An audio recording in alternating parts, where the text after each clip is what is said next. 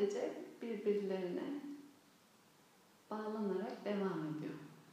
Anlar birbirlerine bağlanarak devam ediyor. Aslında zaman denilen şey anların bir aradalığından ve ardışıklığından başka bir şey değil. Zaman var mı yok mu? Bu da başka soru. Hem yoga sutralar hem de modern fiziğin büyük felsefe sorularından nitekim cevabı belli. Mi söyledim? Anların ardışıklığından oluşan şeye verilen isim zaman. Kavramsal veya kurgusal aslında zihnin yine e, belli parametreler dahilinde bir tanımı. Ama deneyim olarak aslında an sadece. Yani şu anda yaptığın hangi iş, hangi eylemse asıl bizatihi o deneyim alanının gerçekliğinde. Dolayısıyla sürekli aslında o an içerisinde kalma denilen şey zamanla da uyumlu yaşamak başka bir dille bir yandan da. Bu yüzden nereye kadar meditasyon yapacağım, hangi kaç gün daha veya kaç yıl daha ya da kaç gündür yapıyorum aslında daimi olarak sadece o an yaptığınız meditasyon ve başka bir gerçeğin olmamasına odaklanırsanız bu soruların bir anlamı kalmıyor.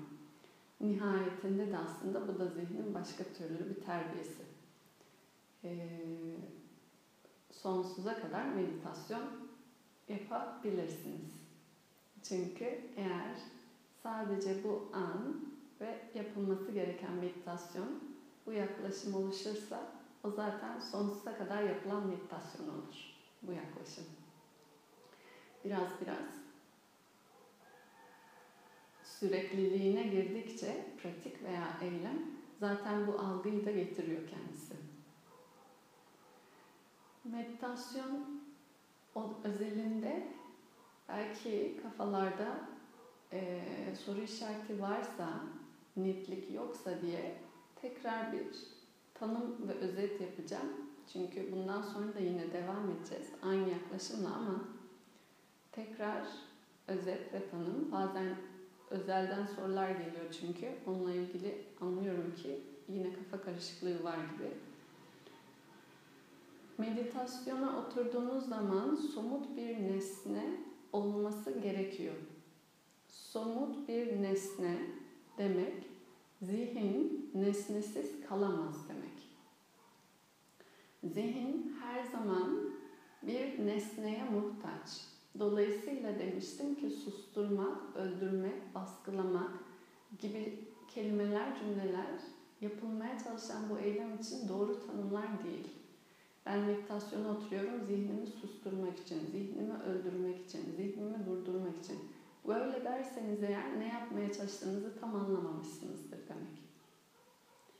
Yapmaya çalıştığımız zihni yönetmek, kontrol etmek, odaklamak.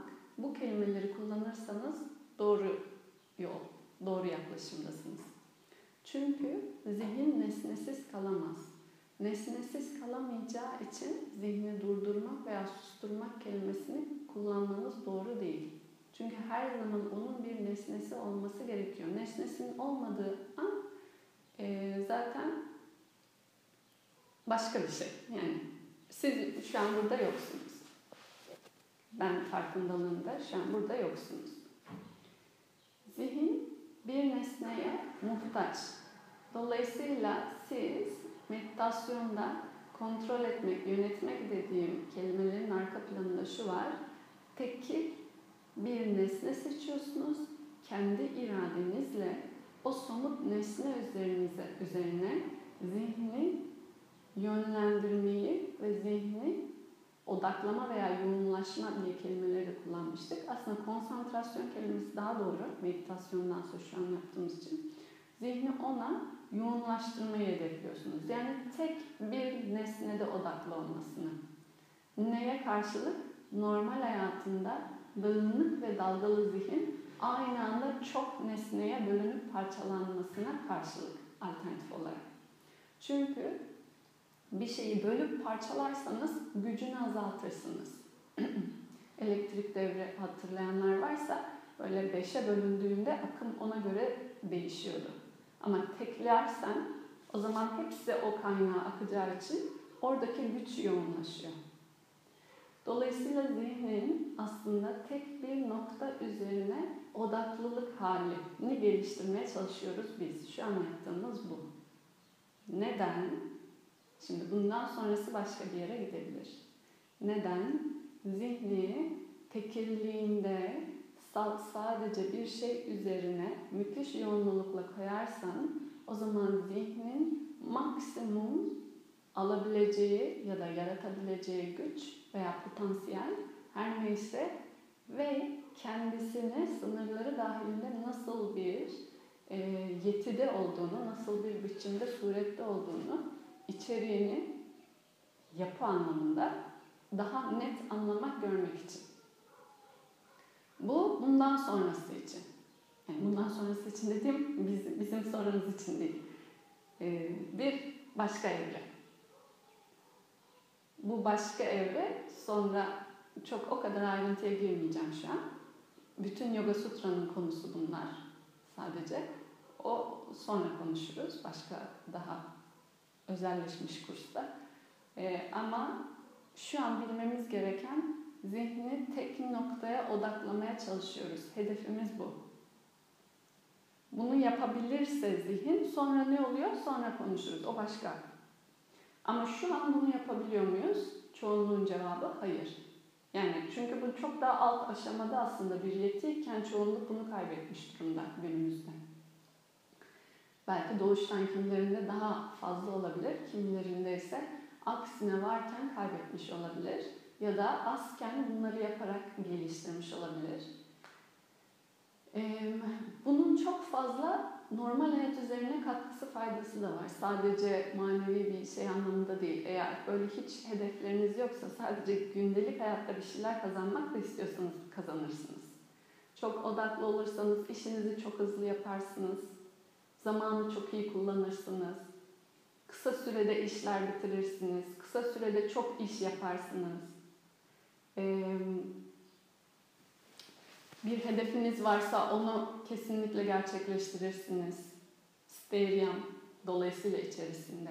Hedef o da kaçırmazsınız. Dolayısıyla zor hedefler tırnak içinde gibi görünenler de mümkün ve gerçek olur. Dolayısıyla bunlar varsa çok para da kazanabilirsiniz.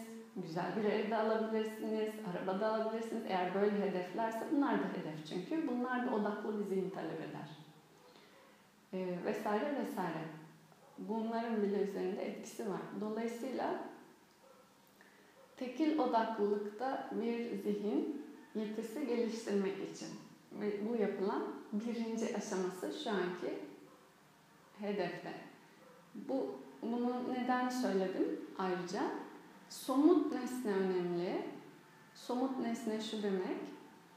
Eee Karmaşıklaştıkça ve soyutlaştıkça zihnin odaklılığını koruması daha zor.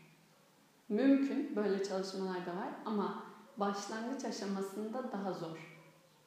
Çoğunluğunda başlangıç olduğunu düşünerek konuşuyorum. Siz anlamında çoğunluk demiyorum, insanlar genel olarak. Eğer böyle sadana yapmadıysa e, ve normal hayatın içerisinde uyaranlarla çok dağılmaya da, hayatla da dağılmaya, bölünmeye, parçalanmaya meyilli bir zihin haline geçmiş oluyor. Çünkü şehir yaşamı bile zihni bölmek için yeterli. O yüzden aslında şu an o bu evde yalnız kalma eğer ki sosyal medya, televizyon vesaire gibi şeyler, telefon, sosyalleşme çok kullanmıyorsanız aslında sizi o şeyle daha odaklı, tekil zihle daha baş başa bırakmıştır. Bununla beraber arka metinde, arka plandaki dağınıklıklar da ortaya çıkmış olabilir. O ayrı ama onları aşarsanız daha yoğunlaştırır.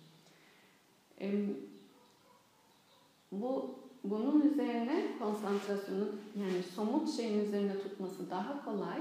Dolayısıyla somut nesneler ama illaki bir nesne şart, bunu tekrar hatırlatıyorum, seçerek yapıyoruz.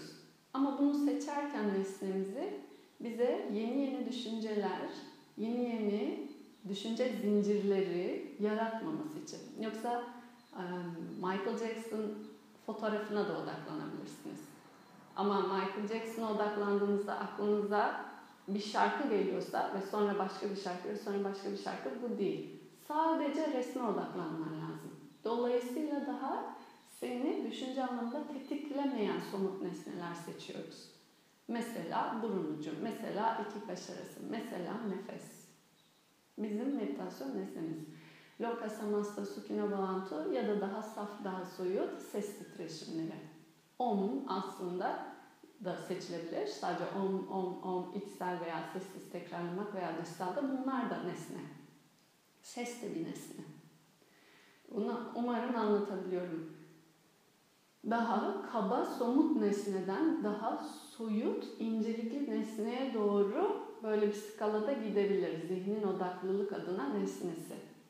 Ama başlangıç aşama için kaba ve somut nesne seçmeniz e, gerçekçi olur sizin için. Ve biz de bunu uyguluyoruz şu an zaten. Nefes ve belli odak noktası ve ses. Bunlar somut ve kabalar daha.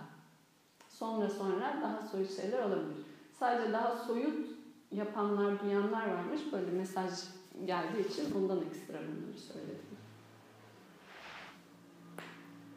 Evet, sonra sorunuz varsa sorular kısmında alabilirim. Ama şu aşamada sadece bu kadar basitlikte tutmanız yeterli. Odaklı ve konsantre olabilen bir zihniniz var mı? Şuraya bak dediğinde ondan başka bir şeye bakmayan.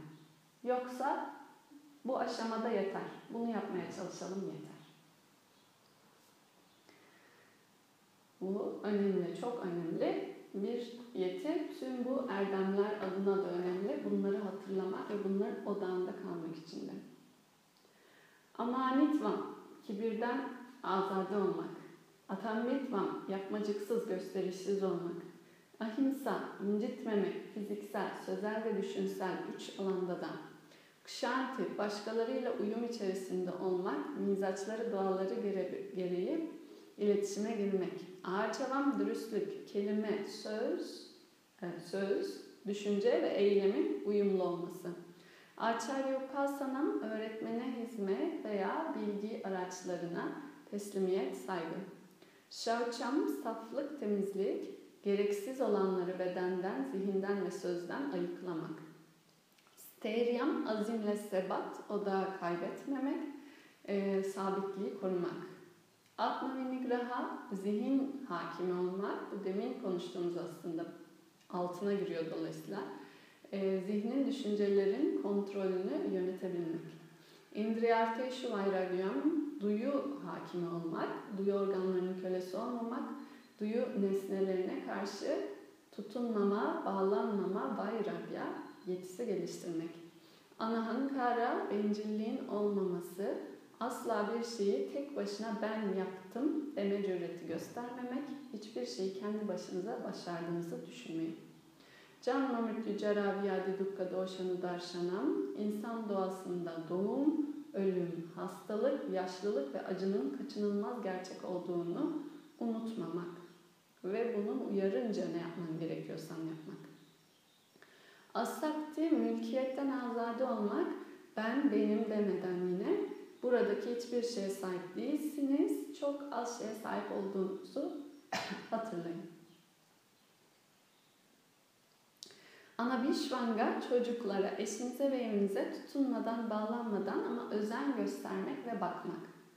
Samachit tatvan, sama eş aynı demektir. Zihnin iyi kötü, başarı başarısızlık, raga dvesha karşıtlığında her ne olursa olsun denge ve sabitliğini koruması. Karma yoga yaklaşımıydı. Gelen tüm sonuçları kalpten eyvallah diyerek kabul edebilme. Avya biçarini bakti, sarsılmaz bakti. Bakti adanmaktı, teslimiyetti, büyük ilahi aşktı. Bunun sarsılmaz bir şekilde içeride, kalpte olması, kendinin küçüklüğünü unutmaman, büyük bir iradenin ve eş zamanlı mevcudiyetini hatırlaman. Vivikta, desa seritva. Sessiz bir yere çekilmek. Sessiz bir yere çekilip kendini gözden geçirmek, tefekkür etmek. Bu yaptığınız bunu düzenli uygulamak. Cana samsa diyarati yanında sürekli birisinin varlığını arzulamamak. E, kaçın, birliktelikten kaçınmayın diyordu. İnsanlarla birliktelikten kaçınmayın ancak bunun peşinde de koşmayın. Ağaç yapma, nyana nit yatvam. Dün konuştuk. Düzenli ve sürekli olarak yazıtları bu hakikati veya kendiliği veya gerçek adına belli bilgileri içeren metinleri düzenli okumak, çalışmak. Bunu yaptığınız sürece güzelliğinize, sınırsızlığınıza bir o kadar yakınsınız diyordu Suami Dayananda.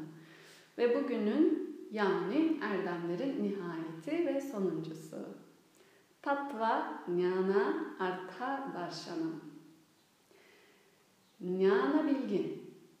Tatva Jnana gerçek bilgi ve hakikatin bilgisi diyebilirsiniz.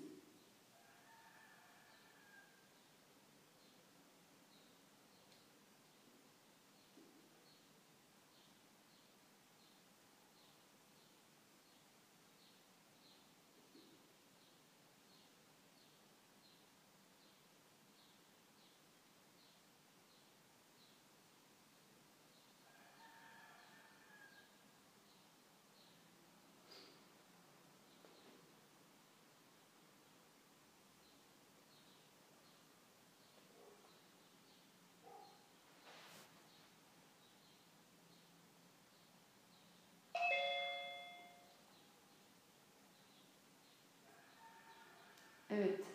Düştüm geri geldim.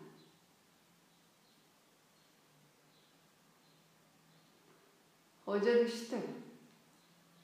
Yorumlarda öyle yazıyor. Hocam sessizde kaldınız. Ha, tamam. Evet. Hoca düştü. Geldi geri. Ayağa kalktı. Tatva yani arta darşanam sondu. Söyleyemedim. Tatva niyana gerçek bilgi. Gerçeğin veya tüm niteliklerin ardındaki yani bulunmaya çalışılan bilgi. Arta amaç.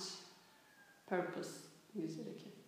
Darşanam görüş, göz e, perspektifin içinde olması bakış.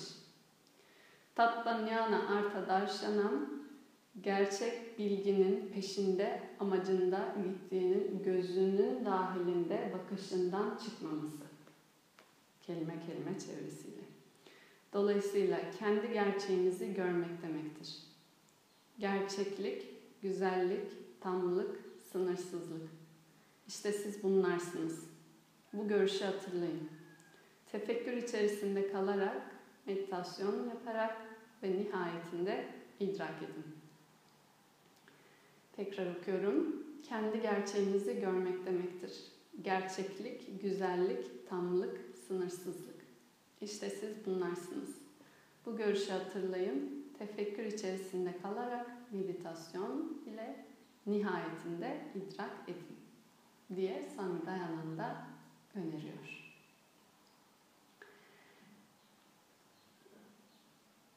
Tatva Jnanartha Darshanam sadece bunu yazsa da klasik kitaptaki çevresinde tam kelime kelime biraz önce okuduğum gibi kendi gerçeğini yani gittiğin gerçeği, hedefi, nihayet, hakikat adına ne demek istiyorsanız unutmamak. Bu amaç dahilinde aslında geri kalan ara eylemlerin yapılması gerektiğini hatırlamak mevcut olan yaşamın, ömrün, bedenin, size verilmiş olan zihnin, nefesin bir sebebi olmalı. Bir sebebi yoksa da en azından sormalısınız. Neden varım? Neden buradayım? Tüm bunlarla beraber tüm varoluşun anlamı ve içerisindeki payım ne? Bu soruları sorunca aman sormasak olmaz mı? Şu çikolatayı yesek, gitsek, eğlensek, coşsak, koşsak da diyebilirsiniz. Yapabilirsiniz, problem yok. Ama sonra bir gün soru sizin peşinize düşebilir. Soru sizi ensenizden yakalayabilir. Sordurtmak zorunda bırakabilir. Ne zaman? Çikolata elinizden gidince. En birincisi o oluyor daha çok. Dolayısıyla gitmeden eğer elinizden çikolata soruyu sorabilirseniz Purusharta kelimesi geldi aşağıda. Aslında hedef, amaç, anlam demek. Arta amaç demek. Purusha kişi, insan demek. Eğer bu hedefi, amacı sormuşsanız ve bir cevap şanslıysanız, lütufluysanız, idrak olarak, his olarak bulmuşsanız bu amacı unutmamanız lazım. Aslında şu anda bu konuşmaların hepsi Bhagavad Gita, bütün videolar ve yoga felsefenin hatta yoga sutraların ilk direkt sutrası, üçüncü sutrasıyla ikinci ve üçüncü direkt size amacı söylüyor kitaplar. Ama bunu teorik bilgi olarak ezber haricinde kalp olarak da his ve idrak da önemli. Ancak söyleyelim biz yine de söylediklerini gördüğünüz hiçbir şey siz değilsiniz. Tanımladığınız hiçbir şey siz değilsiniz. Beş duyunun ve beş duyunun verdiği verilerin ötesinde bir gerçeklik mevcut. Bu gerçekliği, gerçekliği gerçekliğinde deneyimlemek adına bu sahip olduğun araçlarla beraber beş duyu, zihin, zeka vesaire bu yolda bu idrak adına yürüyebilirsin veya aslında sahip olduğun bu beş duyu, zihin, zeka, beden senin bu idraka daha yaklaşman için araçların, vesilelerin onları kullanarak aslında hakikatin ve gerçeğinin ne olduğunu keşfetmeye hayatın amacı olarak veya yaşamın veya tüm mevcudiyetin arkasındaki amaç olarak bunu koyuyor. Bunu keşfetmeye devam etmelisin veya keşfetmeye doğru yürümelisin. Madde veya nesne, görülen dışarıdaki her şey, Yoga Sutra'nın önemli cümlesi. İki şey için vardır diyor. Bir, deneyim. iki özgürleşme. Bir, deneyim için kullanabilirsin. Deneyim nedir? Çikolatayı yersin, çikolatayı yedikten sonra deneyimlersin. Hmm, şöyle bir tat, bu bir deneyim. Ve tüm maddeyi deneyimlerini arttırmak, arttırmak, arttırmak, arttırmak, arttırmak, arttırmak, arttırmak devam edebilir. Yeni yeni deneyimler ekleyerek. Gidebilirsin. Binlerce sayısız hatta bin bile az bir sayı sayısız deneyim nesnesi var bu madde aleminde. Sadece dünya gezegeni üzerinde de. Ancak ve lakin bunun bir sonu olabilir mi diye zeka sorar. Deneyimlerin, deneyimlemenin, dolayısıyla nesnelerle ilişkinin bir sonu olabilir mi ya da bu nesneler salt deneyim vermekten öte başka neye yarayabilir? Yoksa bu böyle devam edebilir. O zaman ikinci diyor Yoga Sutra, özgürleşme için madde kullanılabilir. Neyden? Maddenin ta kendisinden. Yani nesnenin ta kendisinden. Yani özne, nesneden bağımsız salt özneliğine kavuşursa, yani çift yarık deneyimde bakan göz vardı. Göz bakışıyla elektrona dalga veya parçacık niteliği veriyordu. Deneyim kazandırıyordu elektron üzerinden ama hiç kimse elektronun elektronluğunda yani bir göz olmadan saltlığında nasıl bir hikmete sahip olduğunu söyleyemiyor. Çünkü o, yani elektronun niteliği diye bir şey tanımlayamıyordu. Deney onu anlatıyordu. Soranlar oldu. Yani bakana bağlı olarak nesne belirlenmişlik kazanıyor. O zaman bakan nesneye hakikat veriyor diyebilirsiniz. Ya da gerçeklik veya mevcudiyet. Dolayısıyla salt ve saf bakan salt bakışında, salt bakanlığında veya o göz var ya deneyde hatırlıyorsanız salt o gözlüğünde gören olarak kalırsa Kelimeyi de bu arada Yoga Sutra da böyle seçiyor. Gita da yer yer öyle seçiyor. Drashta, drashtır gören demek. Göze olan demek. Salt o göz gözlüğüne geri çekildiğinde o zaman çünkü nesneye hakikati ve mevcudiyeti o veriyorsa o zaman nesneye kıyasla gerçek olanı salt geri çekildiğinde geriye kalan tüm her şeyin ardında olan bu durumda olması lazım. Ee, bunu cümle olarak, kelime olarak, söz olarak duymak bir şey ifade etmiyor olabilir. Ama eğer bunu idrak ettiyseniz, yani şunu idrak ettiyseniz, nesnenin sizden bağımsız bir varlığının olmadığını idrak edebildiyseniz, çift yarık deneyi bunu anlatıyordu. Bunu ispatlıyor. Modern fizikte, e, sutrada, felsefede. Eğer nesnenin sizden bağımsız bir varlığı olmadığını idrak edebilirseniz, nesnelerin peşine artık gitmezsiniz. Yani hayatımızın amacı nesneler olamaz. Çünkü sizden bağımsız yoklar. Sizden bağımsız olmayan bir şeyin niye peşinde gidesiniz ki? Mantık olarak çöken bir şey. Hiçbir nesneyi salt nesneden dolayı değerli göremezsin bu durumda. Dolayısıyla elde etmek adına da bir arzuya düşemezsin. Umarım anlatabiliyorum. Veya umarım daha doğrusu his, idrak olarak gelebiliyor bu dediğim. Eğer böyle olursa o zaman zaten hayatınızın amacı nesne olmaz. Olamaz. Hayatınızın amacı nesne olamaz demek şu demek. Hayatınızın amacı dünya olamaz. Hayatınızın amacı para olamaz. Hayatınızın amacı ev olamaz. Hayatınızın amacı evlenmek olamaz. vesaire vesaire. Bu daha daha daha daha listeyi uzatabilirsiniz.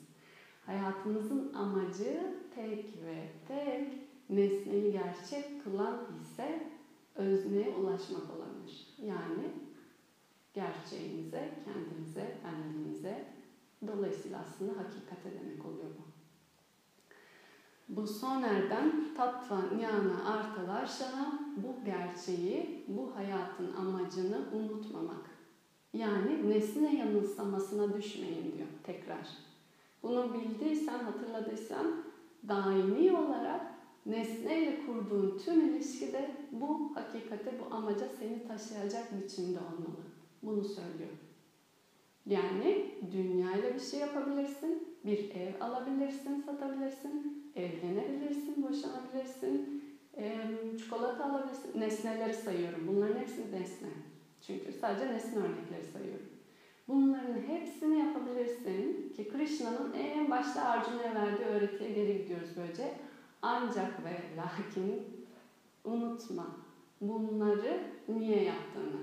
Arkasında büyük başka bir hedef vardı. O hedef doğrultusunda istediğin her şey hedefe hizmet ettiği sürece tamam ve hedefi gözünün önünden kaçırmadığın sürece. Ama ki hedefi kaybedip nesneye hedeflik verdiğin anda yanılsama. Yanılgı.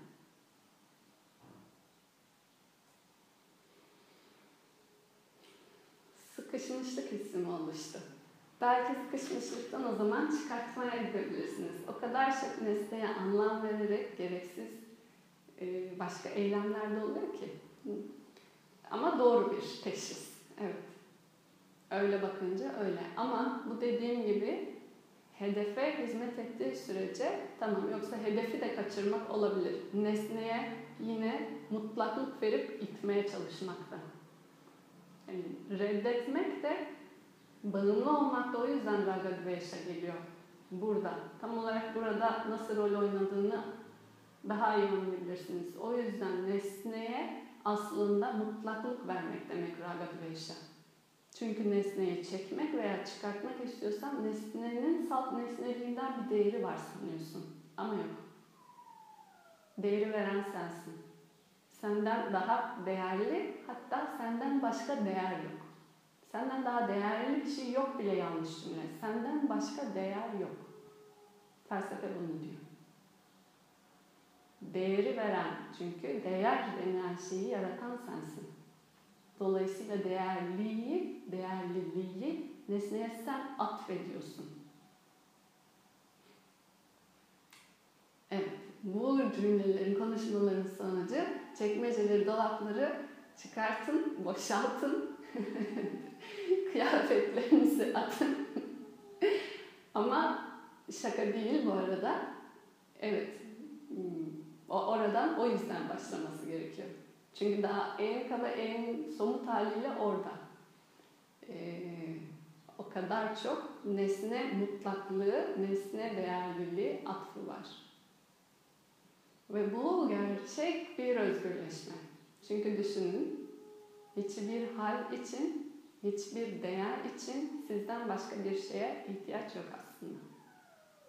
O, bu ben en değerliyim gibi bir şeye gitmesin. Ankara üzerinden konuşulan bir şey değil bu. Yani ayrısı benliğim yoksa onun da nesneleşmesi oluyor.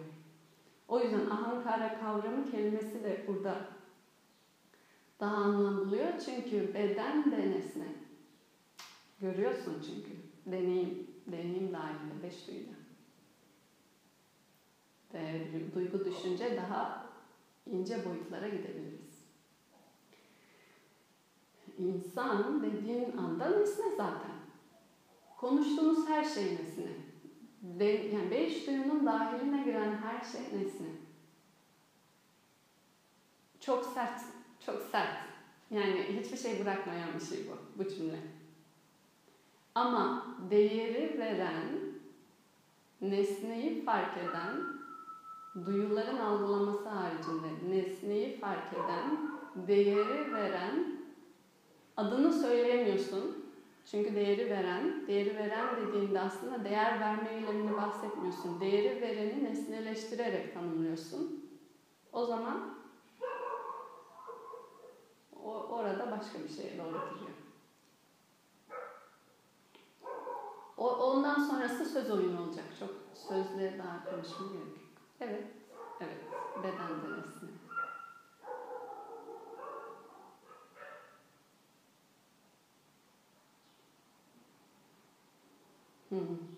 Diğer insanların bilinciyle bir ilişki kurmuyor muyuz?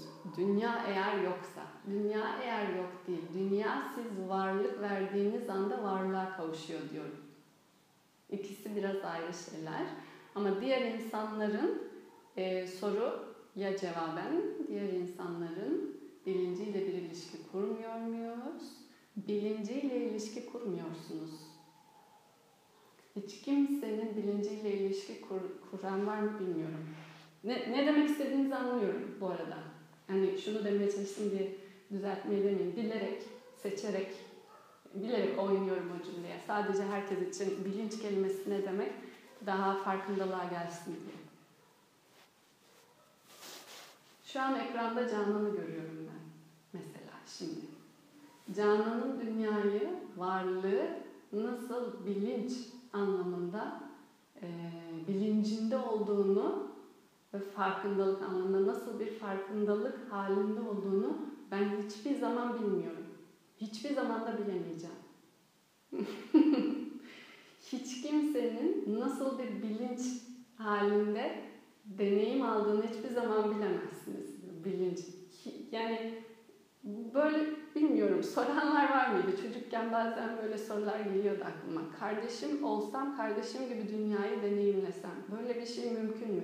Ama sonra kendi kendime böyle düşünür üzülürdüm. Hiçbir zaman onun gibi deneyimleyemeyeceğim dünyayı. Böyle bir şey. Dolayısıyla diğer insanların bilinciyle ilişkiye girmiyorsunuz. Bilinç denilen şey burada. Sadece bir bilinç olarak siz deneyimleyensiniz. Ve bunun içerisine nesneler giriyor. Nesneler nasıl bilinç ve deneyimde onlar öyle. Şey gibi düşünün. Böyle nokta, nokta, nokta, nokta, nokta, nokta, nokta ve birbirleri arasında ipler var. Her nokta kendine bağlı merkez. Her nokta kendine bağlı merkezden geri kalan ağda resimde. Ama o nokta merkez, diğer noktaya sen nokta merkezsin, senin nokta merkezliğinden merkez deneyimi nasıl acaba diye sorsa bile hiçbir zaman bilemez. Hiçbir zaman mümkün olmayan bir şey. Diğer insanlar dolayısıyla nesne olarak sizin dünyanızdalar yine de. Çünkü bilinç olarak deneyimleyen sizsiniz ve bu yüzden de e, diğer insanlar bilinç bilinç varlıklar olduğu için cansıza kıyasla canlıyı söyleyelim. Soruda onu anlamaya çalışıyorum. Onu soruyorsunuz gibi anlıyorum. Cansıza kıyasla canlılar dediğimiz varlıklar kendi tekilliklerinde de ayrı tekil bilince sahip oldukları için peki o bilinçle bu bilinç arasında nasıl bir şey var gibi bir soru anlıyorum. Bu bilinç kendi tekilliğinde bilinç olarak deneyimde ama mevcudiyeti ve çıktısı ve etkisiyle her neyse bu bilinç için bir nesne yine. Ve bunun içinse bu nesne. Ve bu böyle böyle devam ediyor. Böyle bir bir aradalıkta bir e, denklemde diyelim bazı bilinçler bazı bilinçlere nesne rolü oynuyor. O ise bu tekil bilincin deneyim alanının nasıl bir potporide, nasıl bir e, mixture, karışımda olmasına bağlı. Olması gerektiğine bağlı. Bir filme gidiyorsunuz, pardon bir filme gidiyorsunuz diyelim. Bunu bir şu an burada yok ama bir eski öğrencilerden biri anlatmıştı. Böyle bir örnek olarak. Film izlediğinizde, bu arada o bilgisayar oyunu olarak gösteriyordu çift yarık deneyinin başında hatırlıyorsanız. Böyle bilgisayar oyunlarında bakan göz olarak her bakışında dünya ortaya çıkıyor. Ve gerçekten de dünyayı böyle aslında herkes deneyimde diye çift yarık deneyi attığım videonun başı öyleydi hatırlıyorsanız. Veya bir film izliyorsanız film genelde birinin gözünden olur. Bir ana karakter vardır. O ana karakterin üzerinden deneyim olur. Ve ana karakterle hemen özdeşlik kurarsınız. Çünkü o deneyimleyendir. Onun nesnesi olan diğer insanlar bir şeyler yaşar ama onların duygu vesairesiyle özdeşlik kurmazsınız. İyi kötü diye hemen tanımlamaya başlarsınız hatta. Ama başka bir filme geçsek iyi kötü diye tanımlanan insanlardan herhangi bir kötü olanı seçelim. Onu ana karakter yapsak ve onun gözünden filmi izlemeye başlasan bütün zızızlık algılar, nesneleştirmeler değişebilir. Anlatabiliyor muyum demek istediğimi örneğin? Dolayısıyla herkes birbiri için bir rol kahramanı olarak var.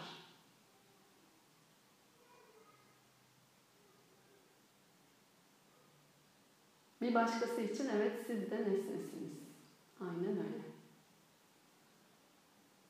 Bu çok özgürleştirici bir şey. Elbette ki. Eğer anladıysanız özgürleşme direkt burada başka özgürleşme tanımı bile yani olamayacak kadar özgürleşme.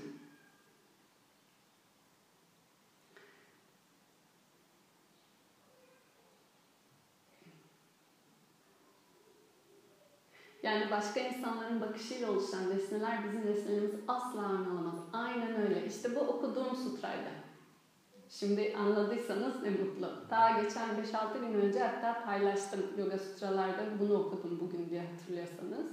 Bu bunu söylüyordu. Hiçbir nesne hiç kimse için aynı değil. Ama bu bakışımız farklı. Ben işte telefonla farklı bir ilişki kuruyorumdan değil. Nesneleşmesi başka içeride. Ortak bir insanlık bilinci yok mu? Kolektif bilinç gibi. Sen misin kelebeği düşleyen yoksa kelebek misin düşlenen? İkisi de dolayısıyla.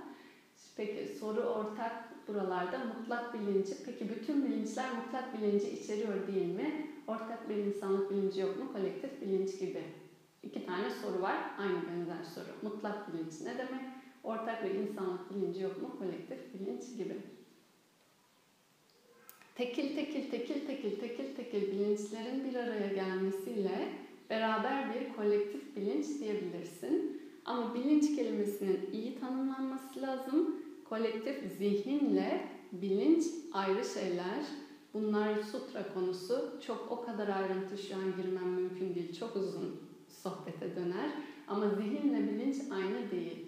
Modern psikolojide, gerçi Jung bu terminolojiyi mi kullandığı ondan da emin değilim. Collective consciousness diye bir şey olarak dönüştü. Ama bilinçle zihin ayrı şeyler. Yogada burada yazılan kolektif zihin kastettiğiniz şey. Evet kolektif zihin diye bir şey var ama kolektif bilinç diye bir şey yok. Çünkü hava şöyle diyeyim hava, benim içimde bulunduğum hava, senin içinde bulunduğun hava, e, Emine'nin içinde bulunduğu hava, Canan'ın içinde bulunduğu hava havadır. Bu havayı şu havayla, Canan havasıyla, Emine havasıyla toplasam dört hava etmez. Hava eder. Anlatabildim mi? Dolayısıyla kolektif hava diye bir şeyden bahsedemezsin. Hava havadır. Kolektif bilinç de diyemezsiniz bu. Benim içinde bulunduğum bilinç, onun içinde bulunduğu bilinç, onun dışında bulunduğu bilinç, benim dışında bulunduğu bilinç, bilinç bilinçtir. Uzayın uzay, havanın hava olması gibi. Işığın ışık olması gibi. Bu, bu benzetme çok iyi. Ama ama zihin yani bu havanın içerisinde bulunan maddenin veya nesnenin yansımasıyla ortaya çıkanın bir toplantısından bahsedebilirsin. Işığın yansımasıyla ortaya çıkan kırmızı, sarı, yeşil, mavi parça ve ayrıksı tekile dönüşmeye başladığında kolektif kelimesini kolektif adı üstünde toplama yapıyorsun. Toplamayı, toplama eylemini ancak ve ancak ayrı tekiller arasında yapabilirsin. Sıfırları toplayamazsın. Sıfır artı sıfır artı sıfır sıfır kolektif sıfır ettik diyemezsin. Kolektif bilinç demek kolektif sıfır yaratmaya çalışmak gibi sıfırları toplayarak. Umarım olmuştur. Toplayabileceğiniz şey zihin. Zihnin ne demek olduğunu ama iyi anlamanız lazım bu cümleyi anlamamız için. O yüzden şu anda bu meditasyonları ve zihinle çalışıyoruz. Diğeri ise buna kıyasla sıfır gibi bir rakam.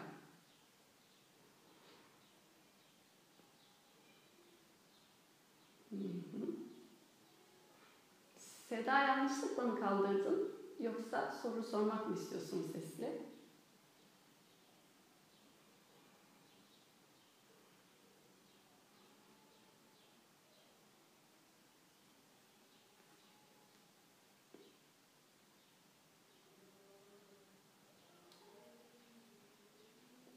Yanlışlıkla. Bir özelden soru geldi. Böyle farklı farklı kelimeler var. Yüksek benlik denilen kavram öz bilinç mi? Yüksek benlikle neyi kastediyorlar diye. Vallahi ben de bilmiyorum neyi kastediyorlar. Ee,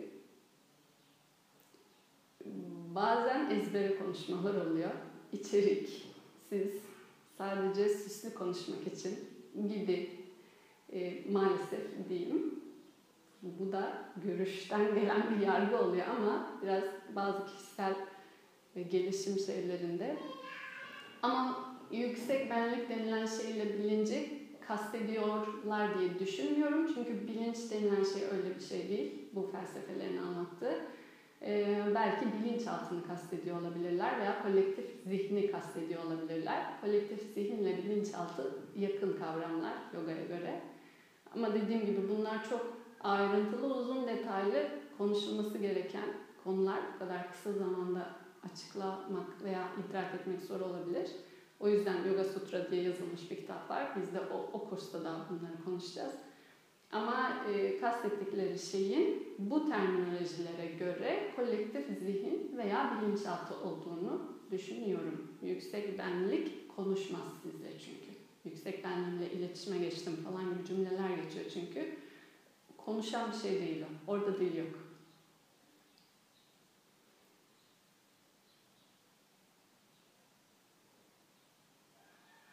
Evet. Ee, geri gelirsek, şimdi buradan tekrar diğer daha dallı budaklı felsefeye gittik ama konuştuğumuz şey şuydu. Daha oraya yani ne olduğunu bilmeyenler olarak konuşuyoruz bu erdemi ne olduğunu idrak etmiş olsak zaten gözümüzün önünde tutacak bir hedefimiz olmazdı. E, çünkü o olmuş olurduk zaten. Ama henüz olmamış ve yolunda gidildiğini unutmayındı Erdem. Söylediği ise alt metinde ne olmadığını keşfetmek ve ne ol ne olmadığını bilmek, ne ola, olacağını veya ne olduğunu bulmak adına gözünün önünden hedefi veya o gerçeği kaybetmek. Ee, bu erdem göz önünde olursa o kadar çok soru cevaplanabilir ki. Gerçekten o kadar çok soru cevaplanabilir ki. Bazen çünkü birçok soru geliyor. Hayatıyla ilgili insanların sorduğu, şöyle mi yapayım, böyle mi yapayım gibi. Ee, işte şu, der, şu dersi mi vereyim, şu insana şöyle cevap mı vereyim, şuraya gideyim mi, taşınayım mı ya da şu işi bırakayım mı, bırakmayayım mı? Hı. Nesneye dair bir sürü soru aslında bunların hepsi, nesnelere dair. Aslında eğer arka plan bu amacı unutmuyorsanız direkt kendinize ne yapayım herhangi bir konu veya durumda Arjuna gibi ne yapayım çatalında bulduysanız kendinize bunu hatırlatmanız lazım. Hangisi veya ne seçimlerden hangisi veya ne seni bu gerçeğin yolunda yürütüyor olacak. O zaman cevap gelir. Eğer nesne bağlı bir cevap bulmaya çalışırsanız kafanız karışır. Burada daha çok para var ama e, burada da arkadaşlarımı seviyorum. Seni gerçeğe, hakikate hangisi götürecek? O zaman onu direkt tercih edersin. Ne paraya ne arkadaşa. İkisi arasından zaten seni hangisi götürecekse götüren olur. Biri iyi biri kötü değil. Ama gerçeğinden başka bir şeyin olmaması hedefte. O zaman seçimlerin aslında turnusol kağıdı. Evet. Damlanın, kendini okyanusta bir damla sanma, bir damlanın içinde kocaman bir okyanussun Mevlana İdeal benlik, gerçek benlik. İdeal benlik ne demek bilmiyorum. Bu, bu kelimeyi ne için kullanılıyor veya sen niye kullandın? Ama gerçek benlik diyorsak, gerçek benlik kelimesini bu hakikat yani saf özne, saf gören o göz, deneydeki göz için kullanıyorduk. Gözün gözlüğü anlamında kullanılıyor. Dediğim gibi. Dersi kaydettik evet. Ayrıksı benlik olarak benim arkamda bir sabit varsa benim bilincimin arkasında da mutlak bir bilinç var. Tüm benliğin arkasında mutlak bilinç var. Burada zaten yanlış anlaşılmaya dair o kadar çok kelime var ki bu cümlede. Ayrıksı benlik olarak benim arkamda bir sabit varsa. Bir, oradaki benimi hemen cımbızlayabilirim. Çünkü sen kendini ayrıksı benlik olarak tanımladın zaten. O zaman benim bilincimin arkasında dedin. Bir daha mutlak bilinç var dedin. Ben ya da öğreti diyor ki benim bilincim diye bir şey diyemezsin zaten. Çünkü ben dediğin şey bilinçten başka bir şey değil. Eğer burası tamamsa şöyle diyebilirsin. Ben dediğim şey bilinçten başka bir şey değilse bilinç denilen şeyin önünde ben diye tanımladığım ayrı bir benlik var. Cümleyi böyle kurarsam daha doğru olurdu. Ve o zaman şunu derdin. O zaman ben eşittir bilinçse sen de eşittir bilinç. Çünkü onun için de aynı şey geçerli. O için de eşittir bilinç. O zaman geriye kalır zaten mutlak bir bilinç. Başka bir şey yok. Dolayısıyla bu sonuca çıkarsın. Ve şöyle diyebilirsin. Mutlak bir bilinç önünde mutlak bir bilinç yokmuşçasına parçalayan ayrıntısılaştıran, renklendiren ayrı ayrı ben görüntüleri, yansımaları var diyebilirsin. Cümle böyle olursa tamam. Işık var, ışık ışıktır. Işık, burada da ışık, orada da ışık, şurada da ışık. Mutlak tek bir ışık. Ama ışığın ışıklığını göremediğin önünde farklı ışık yansımaları var. Bu da kırmızı, sarı, mavi, yeşil. Salt ışıklığında ışığı gören yok. Deneyim olarak bir yere yansıtıcı üzerinden vuruyor, sonra kendisini gösteriyor. Tekrar gelen yorumları sürekli düzeltmem gerekecek. Bu zor, biliyorum, idrakı zor. Ama bilinçlerin üzeri örtülerle kaplı diyemezsiniz. Çünkü bilinçler diye bir şey yok. Havaların içerisine insan havaların içerisine insan girmiş. Demek gibi bir cümle bu. Havaların içine insan girmemiş. Havanın içinde insanlar var. Uzayın içinde insanlar var. O yüzden bilinçlerin üzeri örtülerle kaplı değil, bilinç var. Bilincin içerisinde nesne var. Nesne sanki üzerine yansıttığı için yansıyan görüntü kendisine mutlaklık alıyor. Böyle bir örtü benzetmesi kurabilirsin. Ama aslında nesne bir yansıma. Nesne ki bu arada ışık o yüzden çok iyi bir örnek metafor verilmesi. Burada ışıktan başka bir şey yok. Gördüğünüz hiçbir şey nesne olarak yok. O nesneler ışık yansıttığı için varlık alıyor şu an. Sanki gözünüzün önünde şu an telefon bilgisayar görüyorsanız öyle bir şey yok. Işık var orada aslında. Geçiciliği hatırlamanın yetmediği bir deneyimsizliğim var. Gözümün önünde yatsam sabah akşam baksam bile yine de acı var. Yine kalbim kırılıyor. Evet. Bu zor. Evet zor.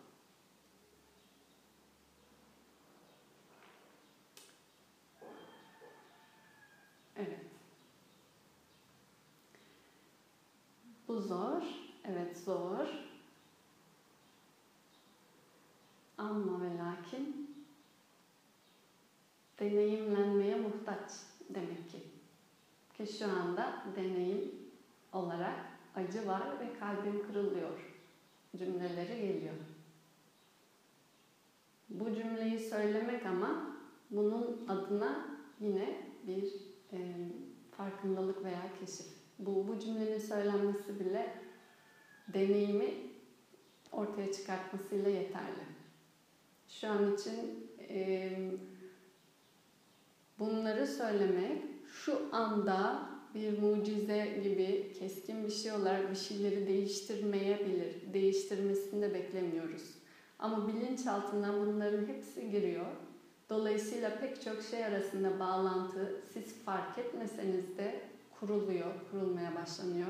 Siz bunu iradeyle daha ne kadar tekrarlarsanız bu süreçte kendi içerisine kendine göre başka bir yol alabilir veya o arkada işlemesiyle değişebilir. Ee, ama bunların hepsini idrak etme devam etse bile yine de şu belki algı veya beklentinin değişmesi gerekiyor. Yine de kalbimiz kırılabilir.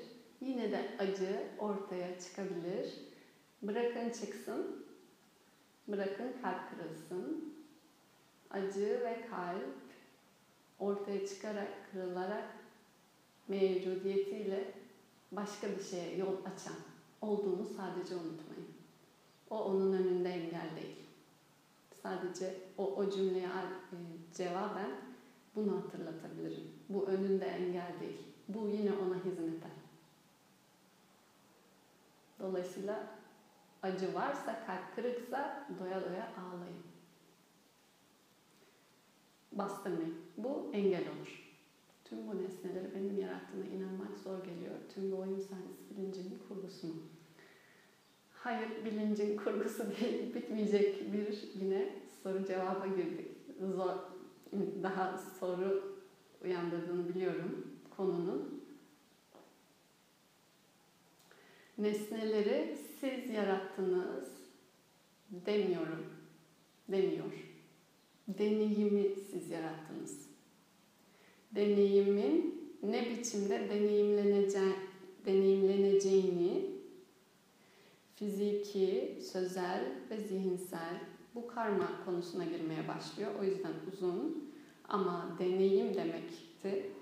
Fizik, söz ve düşünce tetikleyiciliğiyle yeni deneyim alanları, yeni deneyim potansiyelleri yaratır. Dolayısıyla siz nesneyi değil, deneyiminizi yarattınız. Deneyim alanınızı biçtiniz veya diyeyim. Ektiniz, ektiniz ve biçiyorsunuz. Bunun için gerekli nesnelerle dolu bir şey ortaya çıkıyor. Oyun sahnesi, bilgisayar oyununu hatırlarsanız. Bu konuşma o zaman her şeyi reddedeyim, her şey yalanmış demek değil. Bu konuşma dolayısıyla o yüzden o, o, o güzel bir soruydu. Kalbinizin acıması ve acının olmasının arka planını sadece biraz daha nasılını açıklayan bir şey. Redden ziyade deneyimi kabul ve deneyimin aslında arkasında sorumluluğunu almak demek. Sorumluluğu deneyimin alırsak o zaman yeni deneyimler yaratırken de sorumlu davranırız. Bu değişimi açabilir. Yeni deneyimler yaratmanın ihtimalinde, potansiyelinde farklı ekimler yapabiliriz. Ekilmiş olan potansiyeller kendini deneyim olarak ortaya çıkartabilir. Ona bir şey yapamayız. Onun tek çözümü deneyimlemek. Dolayısıyla acı varsa ağlayından kastım oydu. Ama yeni acı ekecek arkasındaki sebebi ve o şeyi yakalayabilirsek bu konuşma gelecek için, geçmişin sonucu için değil. Yakalayabilirsek o zaman yeni yaratımın tetikleyicisi olma adına farklı sorumluluklar, farklı icraatlar uygulayabiliriz. Bütün felsefe buraya doğru gidiyor zaten. Krishna Arjuna konuşması da. Karma yoga vesaireyle başlayan. Ve deneyimlerin hepsini aslında buna vesile olan, buna götüren, yani bundan kastım deneyimleyenin arka plandaki deneyimcinin, saf öznenin o deneyim yaratmadığı artık salt deneyimleyenliğine geri çekildiği böyle küçük küçük daralması küçülmesi gibi belki imajinasyon yapmak isterseniz hale doğru el ayak çekmesi, oyun, oyundan yavaş yavaş çekilmesi.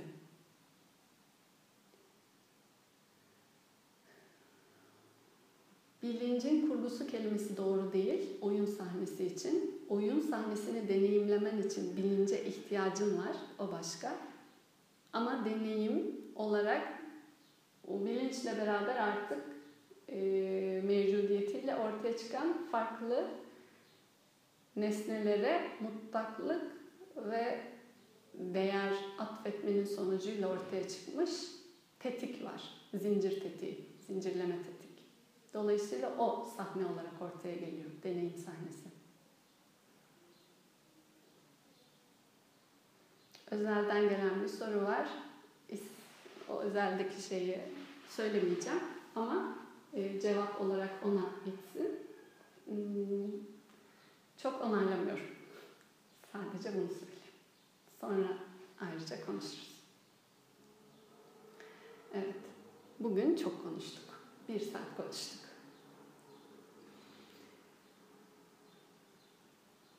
Gerçek neyse gerçek hedefiniz olsun. Son değer bunu söyledi. Purnamada purnamidam. Bu tamdır, şu tamdır. Bu tam şu tamdan gelir. Bu tamı şu tama eklesen ya da çıkarsan geriye tamlık kalır.